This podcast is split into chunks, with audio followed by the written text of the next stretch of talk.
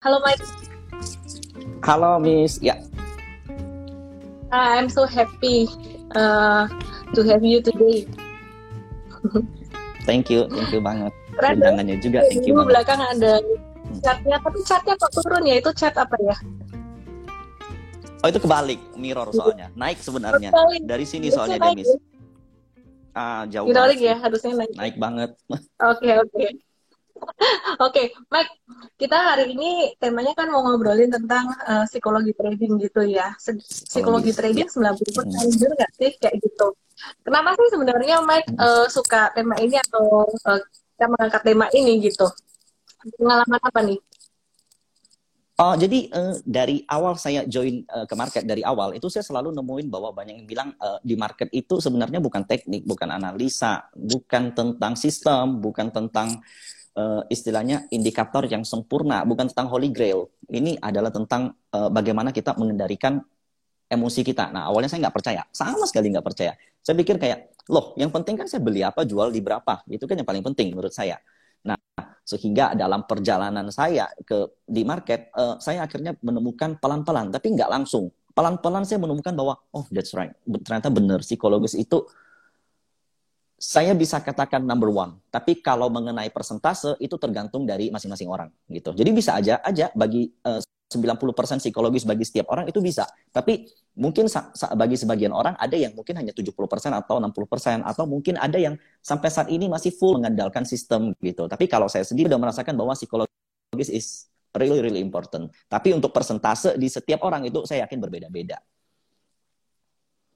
sama sih aku juga ngalamin hal yang sama. Cuman akhir-akhir ini kayak sekitar empat tahun terakhir ya. Uh, psikologi trading dan money management mm -hmm. sih.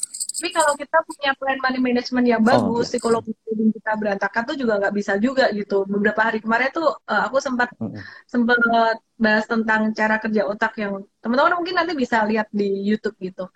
Uh, ya Mike, kamu mungkin pernah ada pengalaman nggak tentang pengalaman psikologi trading? Apa nih yang bikin kamu nyadar bahwa itu penting banget kayak satu tick, satu turning point gitu. Di mana kamu mungkin tradingnya lagi cuan banget atau lagi loss banget gitu. Oh, jadi eh, saya pernah merugi sampai minus 21 persen. Itu uh, untuk nilainya. Jadi uh, saya bukan bilang persentasenya gede, tapi untuk nilainya, nilainya itu gede buat untuk kehidupan saya. Jadi nilai minus 21% itu untuk uh, nilai ruginya itu besar buat saya. Jadi buat uh, saya amat keganggu psikologi saya dan saya sempat memutuskan untuk berhenti. Kemudian saya flashback, apa sih yang salah dari saya? Ya ternyata uh, ada saatnya market itu selalu benar, ada saatnya market itu melawan kita, ada saatnya tuh kita benar-benar nggak bisa ngapa-ngapain sama market. Nah di situ saya masih memaksakan kalau oh enggak saya yakin ini bisa, saya yakin ini bisa, saya yakin ini bisa dan ternyata saya makin drop, makin drop, makin drop. Dan untungnya sebelum saya menghadapi market itu uh, saya istilahnya mengenal sama yang namanya money management sehingga setiap loss saya kurangin porsi, bukan untuk balas dendam. Justru setiap loss saya makin kurangin porsi, makin kurangin porsi, kurangin porsi terus. Nah, sehingga drawdown saya saat itu adalah 21%. Dan itu loss terbesar dalam trading saya. Itu tahun lalu, tahun 2020. Oke oke, menarik ya. Jadi uh, setiap kali loss malah ngurangin porsi gitu ya? Ya, benar. Justru kalau setiap loss saya malah ngurangin porsi. Benar-benar.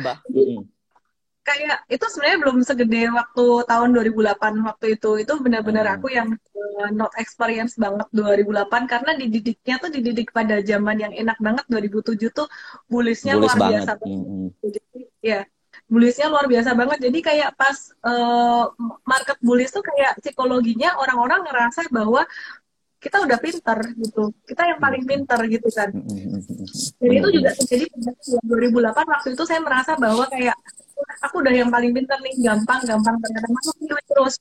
Mungkin teman-teman juga mengalami uh, kemarin ketika market naik atau kripto kripto terutama naik. Masukin duit terus akhirnya 2008 turun tuh aku kayak nggak siap dan uh, mikir bahwa ah nggak apa-apa pasti naik lagi pasti bounce back lagi.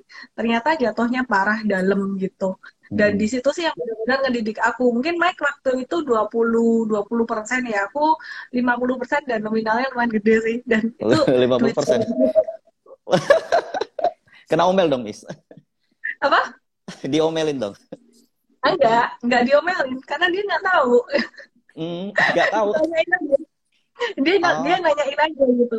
Jadi dia nanyain aja kayak gimana sih sahamnya? Kayak gitu. Terus aku bilang ya jawaban diplomatis aja. Ntar juga duitnya balik gitu. Dan ya puji Tuhan sih memang balik gitu. Eh Pak Bapak Tuhan lagi. Udah rugi waktu itu Bapak Tuhan terus balik 2009 kan memang recover. Dari situ sih saya mm -hmm. dapat satu pelajaran penting bahwa memang fundamental uh, fundamental perusahaan itu matters banget. Jadi waktu itu memang mungkin udah banyak yang tahu ya. Uh, aku bandingin dua perusahaan kayak Astra International dan juga satu lagi yang membumi yang down to earth itu. Nggak enak mau ngomongnya. Jadi yang satu yang down to earth pas turun dalam mantul lagi itu kena uh, satu level tiga ribuan atau berapa ya? Dia turun lagi naik lagi turun lagi.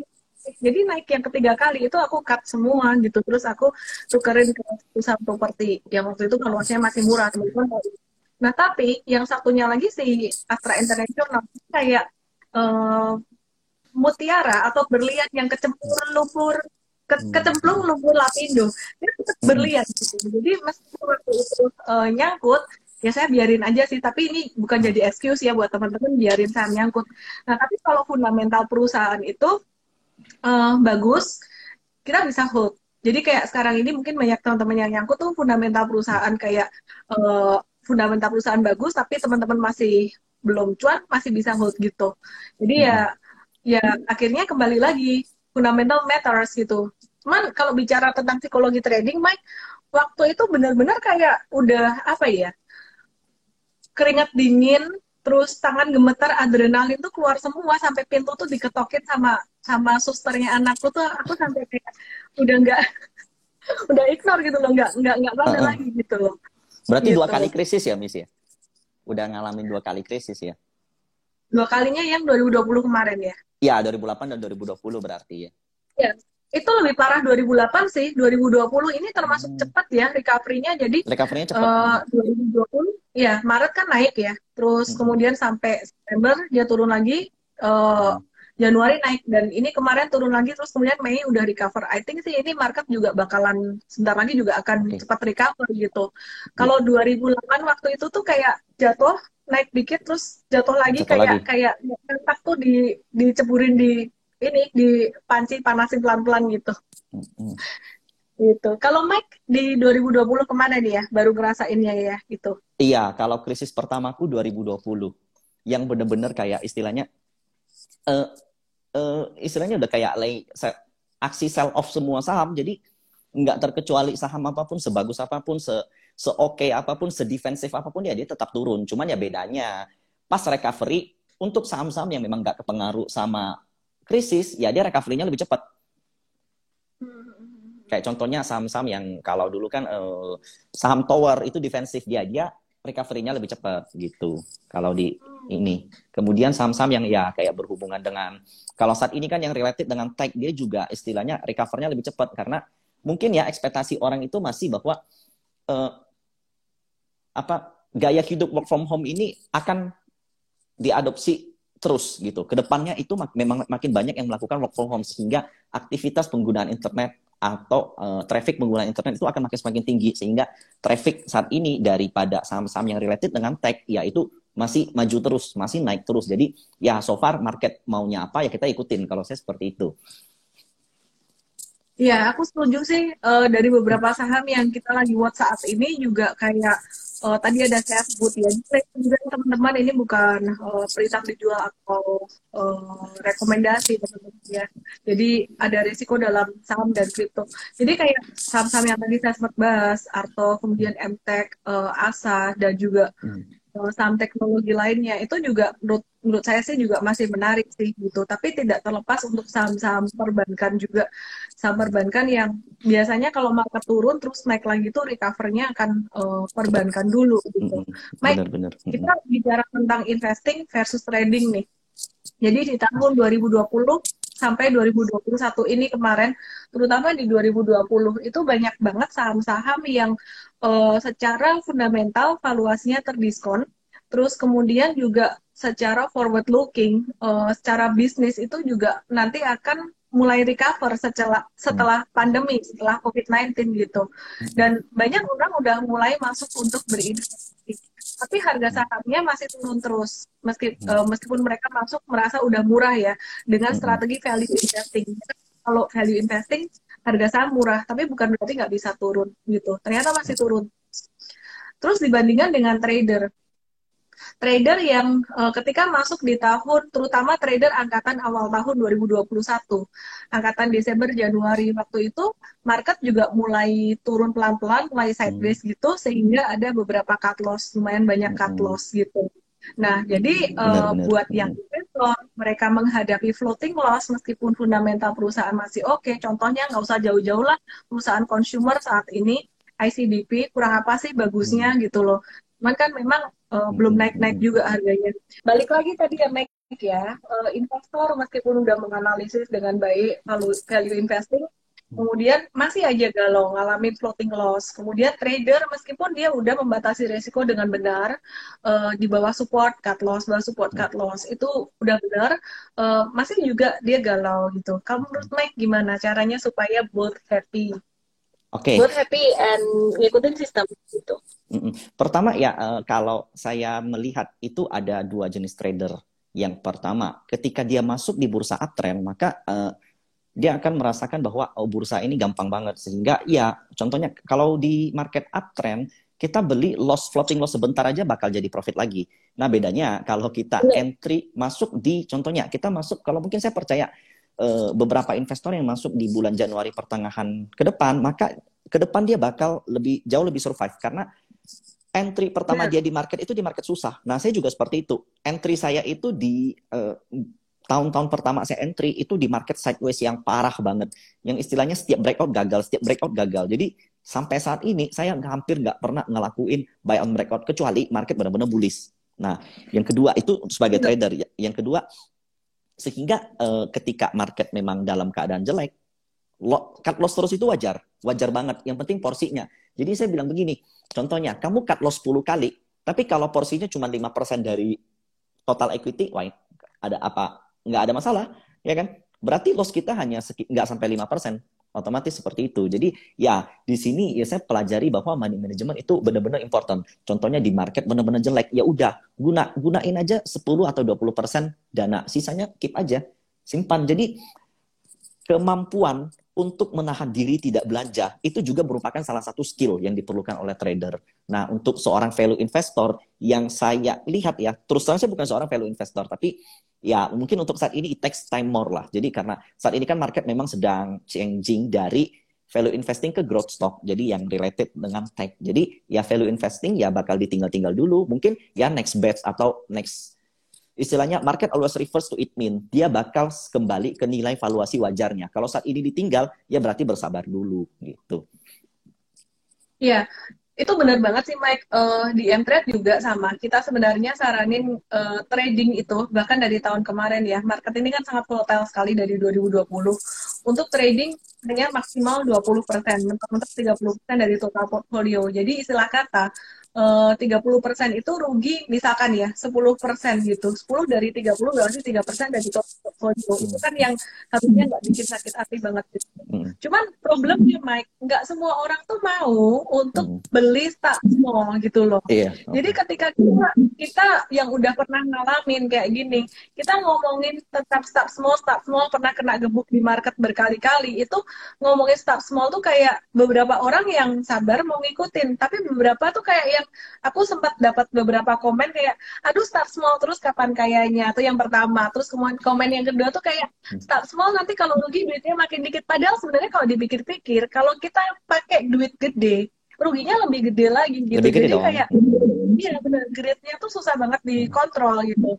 Terus kemudian uh, ya bicara tentang start small ya bicara tentang kapan kayanya kayak gitu. Padahal kan market nggak bisa dipaksa juga teman-teman banyak yang nanya sih sebenarnya kapan sih kita boleh gedein uang? Sebenarnya gampang aja ngelihat uh, tren tren sahamnya gimana. Kayak yang Michael bilang tadi kalau sekarang saham-saham yang valuasi murah mungkin sisa saham-saham consumer good ya nggak usah dipaksakan untuk value investing. Jujur aku sama kayak kamu Mike gitu. Jadi aku senang sih sama Michael nih gaya trading kita tuh sama mirip. Nah uh, cuman bedanya aku start di market waktu itu aku banyak trading breakout. Jadi memang sebelum 2020 aku banyak pakai trading breakout. Tapi sampai tahun 2020 aku mulai value investing loh. Jadi hmm. uh, sebelum 2020 tuh dikenal sebagai Ellen Breakout. Di jidat mungkin udah ada udah ada tulisannya. Jadi ketika 2020 aku mulai ngomongin tentang value investing tuh pada bingung. Dan hmm. sekarang uh, pilihan saham untuk value investing udah sisa sisa saham-saham consumer good aja yang which is geraknya juga agak lelet. Sekarang kita udah mulai move lagi strateginya ke swing trading uh, belum ke hold lama sih kayak Saratoga, Arto kayak gitu kita tradingnya juga masih swing trading swing trading aja karena IHSG mm-hmm. juga uh, belum terlalu strong uptrend. Nah nanti kalau udah mulai strong uptrend boleh tuh kita nge-hold lamaan. Nah jadi strategi investasi dan trading mesti disesuaikan juga dengan kondisi market teman-teman gitu. Hmm. Nah, kalau IHSG atau market ini udah mulai uh, trennya mulai kuat, kita mulai tambahin modal. Kayak yang Mike tadi bilang tuh bener banget. Kalau lagi rugi justru malah kurangin porsinya, jangan dihajar nambah. Cuman kan masalahnya ya Mike ya, kalau orang lagi emosi, lagi uh, psikologinya nggak stabil gitu, hmm. dia untung gede euforia mau nambah, dia pas rugi Mike, dia mau nambah juga. Pertanyaannya pasti boleh nggak average down nambah kayak gitu Mike? Mm -mm. Jadi kan banyak yang bilang kalau trader itu nggak boleh average down. Nah kalau saya uh, mungkin agak sedikit kontra ya. Kalau saya melakukan averaging down itu menurut saya lumrah. Kenapa? Karena begini, saat ini kan market volatile. Kalau market volatile, maka range range sideways-nya juga pasti gede. Kalau dulu mungkin contoh, kalau market stabil, range sideways mungkin 5%. Di market volatile bisa 10 sampai 15%. Anggap seperti itu. Nah, untuk melakukan pembelian, maka area demand ini juga terbentuk dengan range yang amat lebar. Nah, hmm. kalau kita pakai tipis-tipis, ya kita bakal kena stop loss terus. Makanya kita bisa gunakan yang namanya money management, tapi gunakan range buy yang gede. Contohnya, ini saham minus 15% pun masih aman. Jadi ya spare aja minus 15%. Jadi hitung rugi dulu. Nah, makanya hmm. kalau banyak yang nanya sama saya kayak, kapan sih kita boleh agresif? Ini porsi cash berapa? Porsi stocks berapa? Nah, jujur, porsi stok saat ini saya cukup agresif karena saya selalu ke trigger buy. Setiap ada saham yang istilahnya dia naik kemudian koreksinya nggak membentuk lower low, saya entry. Ya begitu terus, begitu terus, begitu terus. Nah sampai-sampai saya juga sadar bahwa oh ternyata porsi saya udah kegedean. Nah justru saya agresif atau tidak, yaitu tergantung market. Bukan saya menerka-nerka gitu. Hmm. Iya, iya, iya. Aku agree. Uh, at some point kita boleh nambah di bawah. Cuman mesti teman-teman ingat juga sih di awal tuh mesti di set dulu ini yang aku sering kali ngomong uh, aset alokasinya. Jadi kita mau punya saham A ini berapa persen tuh ditentuin dari awal. Hmm. Misalkan mau 10 persen kah, mau 20 persen kah dari hmm. uh, total modal yang kita gunakan. Nah, mungkin kalau nggak berani beli uh, belinya nyicil dikit-dikit gitu. Jadi hmm. itu nanti juga akan lebih aman bukan terus kalau turun terus nambah beli terus tanpa aset alokasi gitu ya kayak yang Michael bilang tadi nanti tahu-tahu bisa kalau beli kebanyakan tahu-tahu bisa bisa jadi uh, secara weightnya di portfolio nggak bagus gitu uh-huh. oke okay. Mike yeah. kamu ada tips nggak buat teman-teman supaya fear and greed-nya okay. lebih stabil jadi, gitu uh, ini uh, saya ngulangin yang live saya dengan Bro Andi Senjaya ya Miss udah ngomong juga jadi uh, saya pernah baca satu buku, saya lupa lagi. Buku ini tuh menjelaskan tentang kinerja otak. Jadi otak kita itu, honestly, itu terbentuk dari dua jenis. Yang pertama adalah otak kecil, yang kedua adalah otak besar. Nah, jadi kita tuh sering kali terdistrapsi. Contohnya, uh, kita udah buat sesuatu, udah oke okay banget, kita udah yakin banget begini, stepnya satu, dua, tiga, empat. Tapi di step kedua itu kita tiba-tiba ragu kemudian mundur. Nah, jadi ternyata ini tuh terjadi peperangan antara otak kecil dan otak besar. Jadi otak kecil itu diciptakan fungsinya ada di bagian neokolus sebelah berapa kiri. Pokoknya secara secara ilmiah itu bisa dijelasin. Tapi saya nggak ambil poin itu. Jadi intinya begini, otak kecil itu merupakan insting bertahan hidup. Itu diperlukan, itu diciptakan Tuhan sama kita karena zaman dulu, contohnya zaman zaman ketika zaman masa purba, insting bertahan hidup itu penting penting banget. Nah, contohnya kalau ada binatang buas, ya itu kita harus bunuh untuk jadikan makanan. Tapi saat ini karena berkembangnya zaman, kita kan udah nggak perlu insting bertahan hidup. Kita lapar aja pasti bakal ada yang kasih makan, ya kan? Nah, ternyata otak kecil ini masih ada. Sifatnya adalah untuk memainkan emosi kita. Jadi contohnya, kalau ada mobil kenceng datang dari jarak jauh, itu 100 km per jam contoh. Dia nyetirnya jauh banget, kita kalau lihat otomatis kita langsung kabur secara refleks kita bakal merasa bahwa dia bakal nyerang kita. Atau kita lihat hiu di laut, dia dia dia berenang cepat banget gitu. Padahal kalau kita diam, itu hiu 90% nggak akan nyerang kita. Dia akan nyerang kita kalau ada bau darah. Nah, jadi kalau kita mengerti tentang apa yang terjadi ke depan, maka otomatis kita akan bertindak lebih tenang. Karena kita udah punya analisa. Analisa otak kita ketika menganalisa, ketika berpikir lebih kencang lebih lebih ke depan sorry itu artinya kita sedang memikirkan sesuatu yang logis. Dan itulah kinerja otak besar. Nah sering kali contoh ini sebagai contoh pengaplikasian dalam trading. Kita yakin banget saham ini bakal ke sini ke sini ke sini. Nah kemudian kita tahu juga resikonya sekian persen contohnya 8 persen. Kemudian kita entry. Lalu teman kita bilang bro gue udah exit deh. Soalnya dengar dengar si itu bilang jelek deh. Saya nggak mau saya keluar. Ujungnya kita ikut keluar. Lalu sahamnya terbang ini paling sering seperti itu. Nah, itu merupakan disrupsi antara otak kecil dan otak besar. Nah, kemudian banyak yang mengatakan seperti ini. Tapi saya ngelihat banyak trader profesional itu memakai feeling gitu. Dia yakin ini beli, kemudian dia beli, kemudian terbang. Dia yakin ini bakal jatuh, dia cut loss, kemudian jatuh. Nah, honestly, itu juga setelah saya analisa, ternyata trader profesional ini, dia nggak pakai feeling. Pengalaman. Dia, dia pengalaman, pengalaman dia yang terlalu istilahnya udah makan asam garam terlalu tinggi, jadi dia bisa mengambil keputusan dalam waktu cepat dan itu Benar. merupakan analisa. Tapi dia nggak bisa jelasin, dia nggak akan bisa jelasin karena itu berdasarkan pengalaman yang bertahun-tahun. Nah itulah yang teman-teman perlu dapatkan di diri masing-masing. Seperti itu, Miss. Iya, iya. Agree, agree. Aku juga beberapa hari kemarin tuh habis bawain di seminar Sabtu sih. Uh, mirip kayak yang Michael uh, omongin ini. Dan ini salah satu topik yang aku sangat interest banget sebenarnya karena berkaitan dengan kehidupan secara keseluruhan. Mempelajari ini bisa buat aku memperbaiki hidupku gitu loh. Jadi lebih happy juga. Jadi kayak yang Michael bilang tadi otak kecil itu aku uh, kalau aku baca-baca aku sering uh, sebut juga tuh otak reptil gitu. Terus uh, ya otak reptil benar sih kata Mike tujuannya untuk bertahan hidup ketika kita menghadapi satu ancaman otak reptil ini akan merespon dengan fight berantem, marah, hmm. atau flight, kabur, atau freeze. Ada yang tidak berdaya udah diem aja gitu. Gitu. ya terus hmm. kemudian ada otak limbik, otak mamalia. Kalau otak uh, reptil menghindari rasa sakit, menghindari takut, orangnya takutan terus. Kalau mau trading saham tuh kayak nggak berani masuk, nggak hmm. berani, nggak berani gitu terus ketinggalan kereta kayak gitu terus. Hmm. Tapi kalau yang otak mamalia, otak yang uh, otak mamalianya aktif itu biasanya orang masuk di saham tuh pas lagi cuan-cuannya gitu. Jadi tipe hajar kanan terus gitu. Nah, sebenarnya yang paling bagus adalah yang ketiga di depan kita ini uh, frontal lobe ada. Ini aku juga baca-baca yang Mike bukan aku ahli perotakan. Sama aku juga ya. nggak ahli.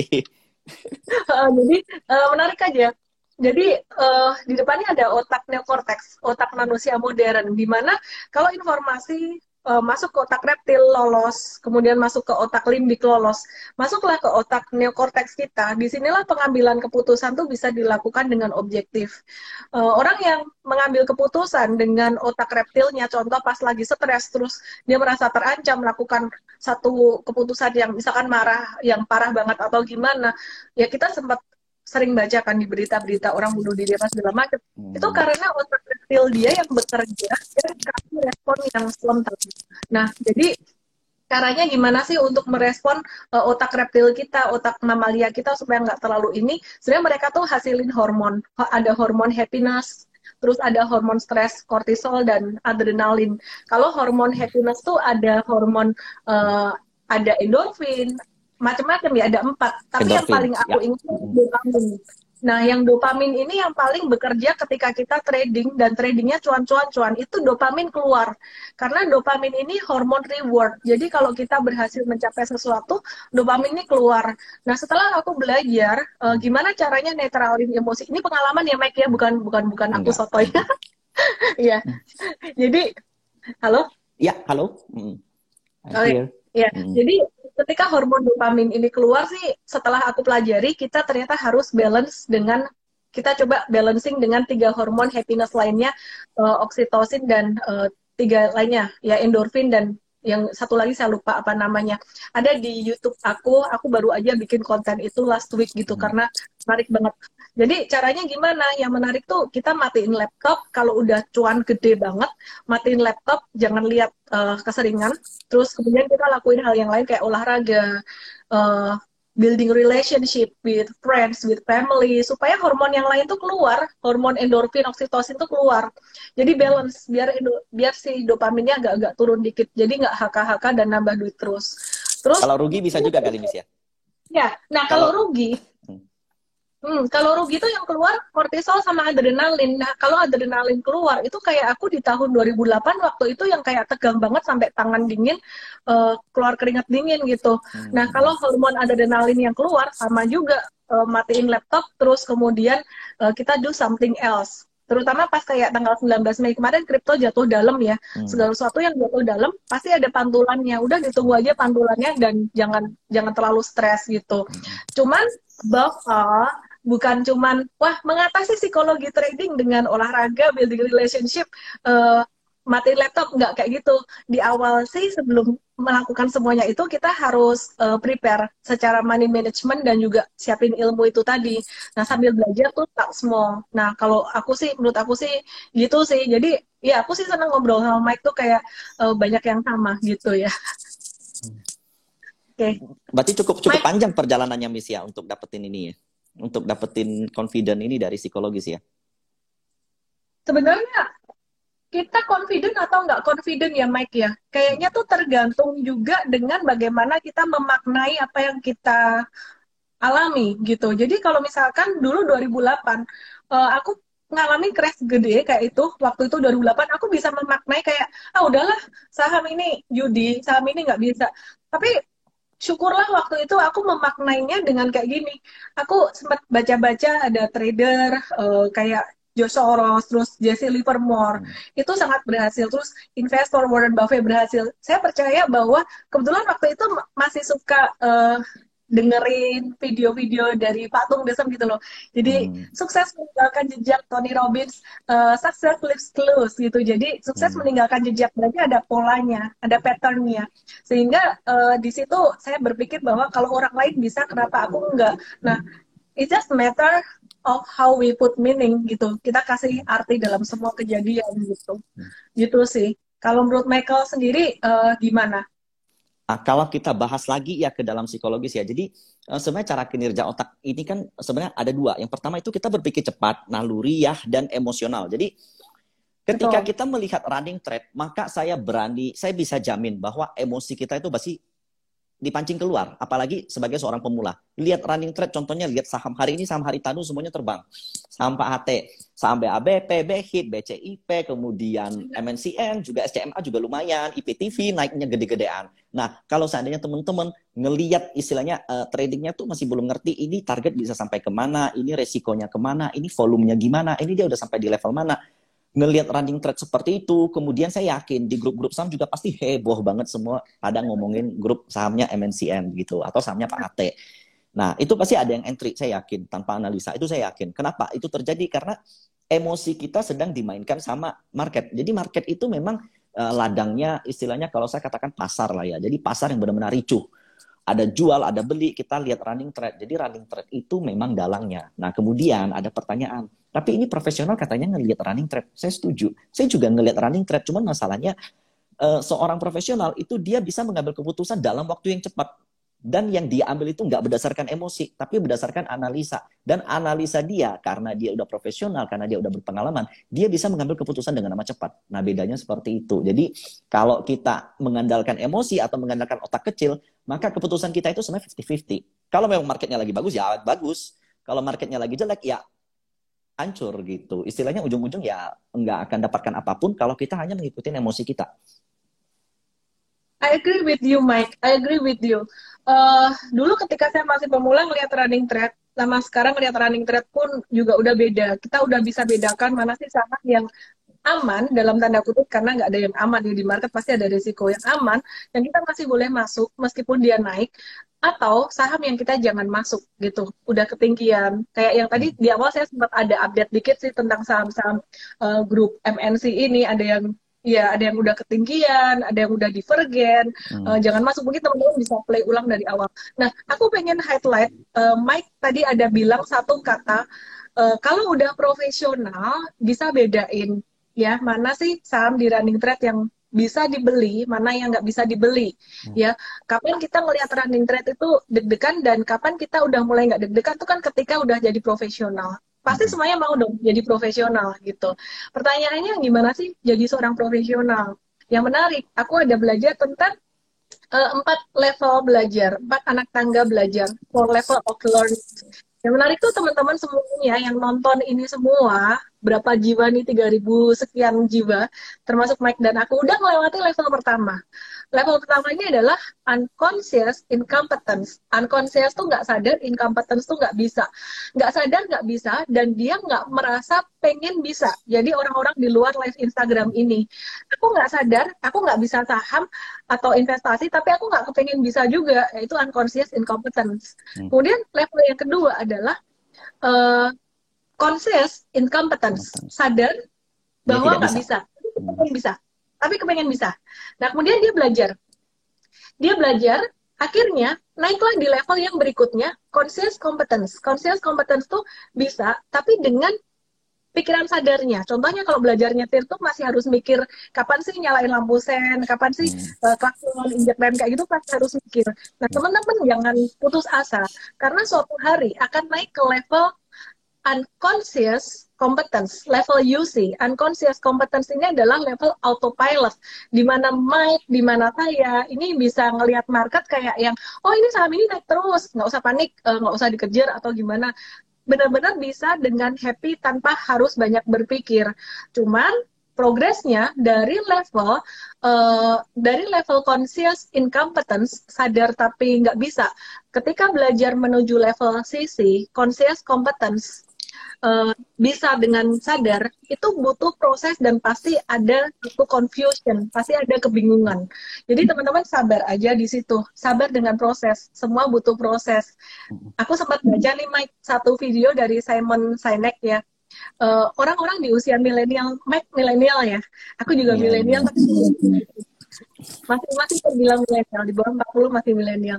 Nah, ternyata ternyata nih Mike, generasi kita ini adalah generasi yang haus akan pengakuan. Hmm, gitu. Hmm. Jadi generasi yang haus akan pengakuan ini mungkin karena uh, tumbuh media dengan sosial media, ya kan.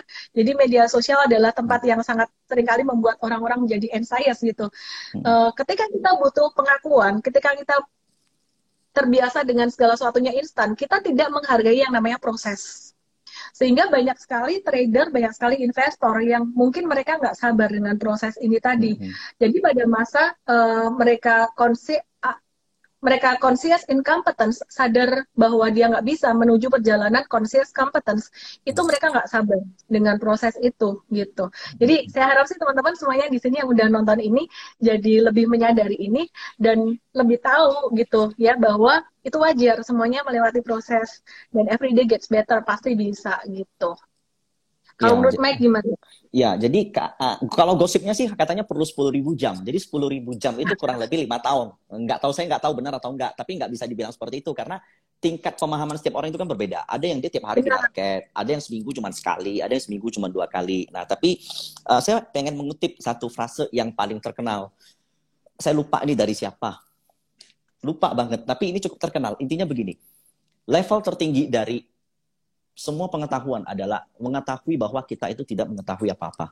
Jadi ternyata bahwa uh, dari semua pengetahuan yang kita miliki, kita bakal tahu kalau ternyata dunia ini, dunia ini itu terlalu luas. Jadi saya juga selalu mengambil konsep seperti, jadi saya minta maaf banget, uh, jujur sih saya nggak pernah mengatakan bahwa saya trader profesional, tapi uh, title yang diberikan seperti itu sama orang. Termasuk banyak yang bilang saya dukun. Saya sampai saat ini saya nggak pernah bilang saya dukun, tapi orang yang ngomong saya dukun. Nah, jadi uh, yang selalu saya admire adalah ketika kita mencapai suatu pencapaian atau mengapai satu pengakuan, maka yang perlu kita lakukan menurut saya adalah mengabaikan pencapaian itu. Kita harus tahu bahwa ke, ke depannya kita akan dihadapkan lagi sama sesuatu yang baru gitu. Banyak Benar. yang mengatakan bahwa uh, market always repeat itself. Saya setuju, market bakal selalu mengurangi histori, mengurangi sejarah. Tapi itu sistemnya, bukan dengan euforianya. Euforianya itu berbeda-beda. Nah, contoh kalau tahun-tahun lalu yang berjaya itu value investing. Sekarang yang berjaya itu growth stock yang related dengan tech. Ke, tahun depan kita nggak tahu lagi. Nah, jadi Benar. seperti inilah teman-teman yang perlu dikatakan bahwa Ini ini ya, saya mohon maaf banget. Banyak banget yang nanya ke saya itu seperti ini. Kok saham yang bisa saya skip sampai satu tahun apa dua tahun ke depan apa sih saya mau beli tinggalin dalam satu tahun itu udah pertanda pertanyaannya salah. Kenapa? Artinya kamu nggak mau belajar kamu nggak mau analisa kamu nggak mau ikutin market. Nah kalau saya katakan tahun lalu semua selalu mengatakan related dengan komoditas pegang aja. Tapi ke mana ke mana saham-saham komoditas kita sekarang? Nggak jalan. Kenapa? Karena saat ini China tightening ekonomi. Kita kita mana tahu? Banyak yang mengatakan nikel bullish tapi ternyata gudang LM di China itu di di istilahnya dicari supply yang lebih gede sama Singsan Nah, sehingga kita mesti mesti perlu lebih bersabar. Ya, benar. Kita mesti uh, istilah time frame kita dipanjangin. Kalau kita nggak sabar ngikutin ya, ya otomatis kita harus ikutin market. Nah, kebanyakan yang orang seperti itu nanya sama saya, satu tahun saya mau pegang gimana sih? Dua tahun saya mau pegang, nggak usah diapa-apain gimana. Tapi satu bulan kemudian turun, dia udah kalap. Ya artinya sebenarnya view kamu itu nggak boleh dalam satu tahun. Kamu males menganalisa setiap hari nah. atau setiap minggu atau setiap bulan kamu mau dalam satu tahun cuan. Padahal psikologis kamu belum cukup untuk ngehold selama satu tahun. Nah itu yang Bener. perlu diperbaiki dari teman-teman kalau menurut saya. I agree gitu. Benar-benar itu banyak banget juga yang ditanyain ke kami kayak gitu ya ke kita di internet kayak gitu.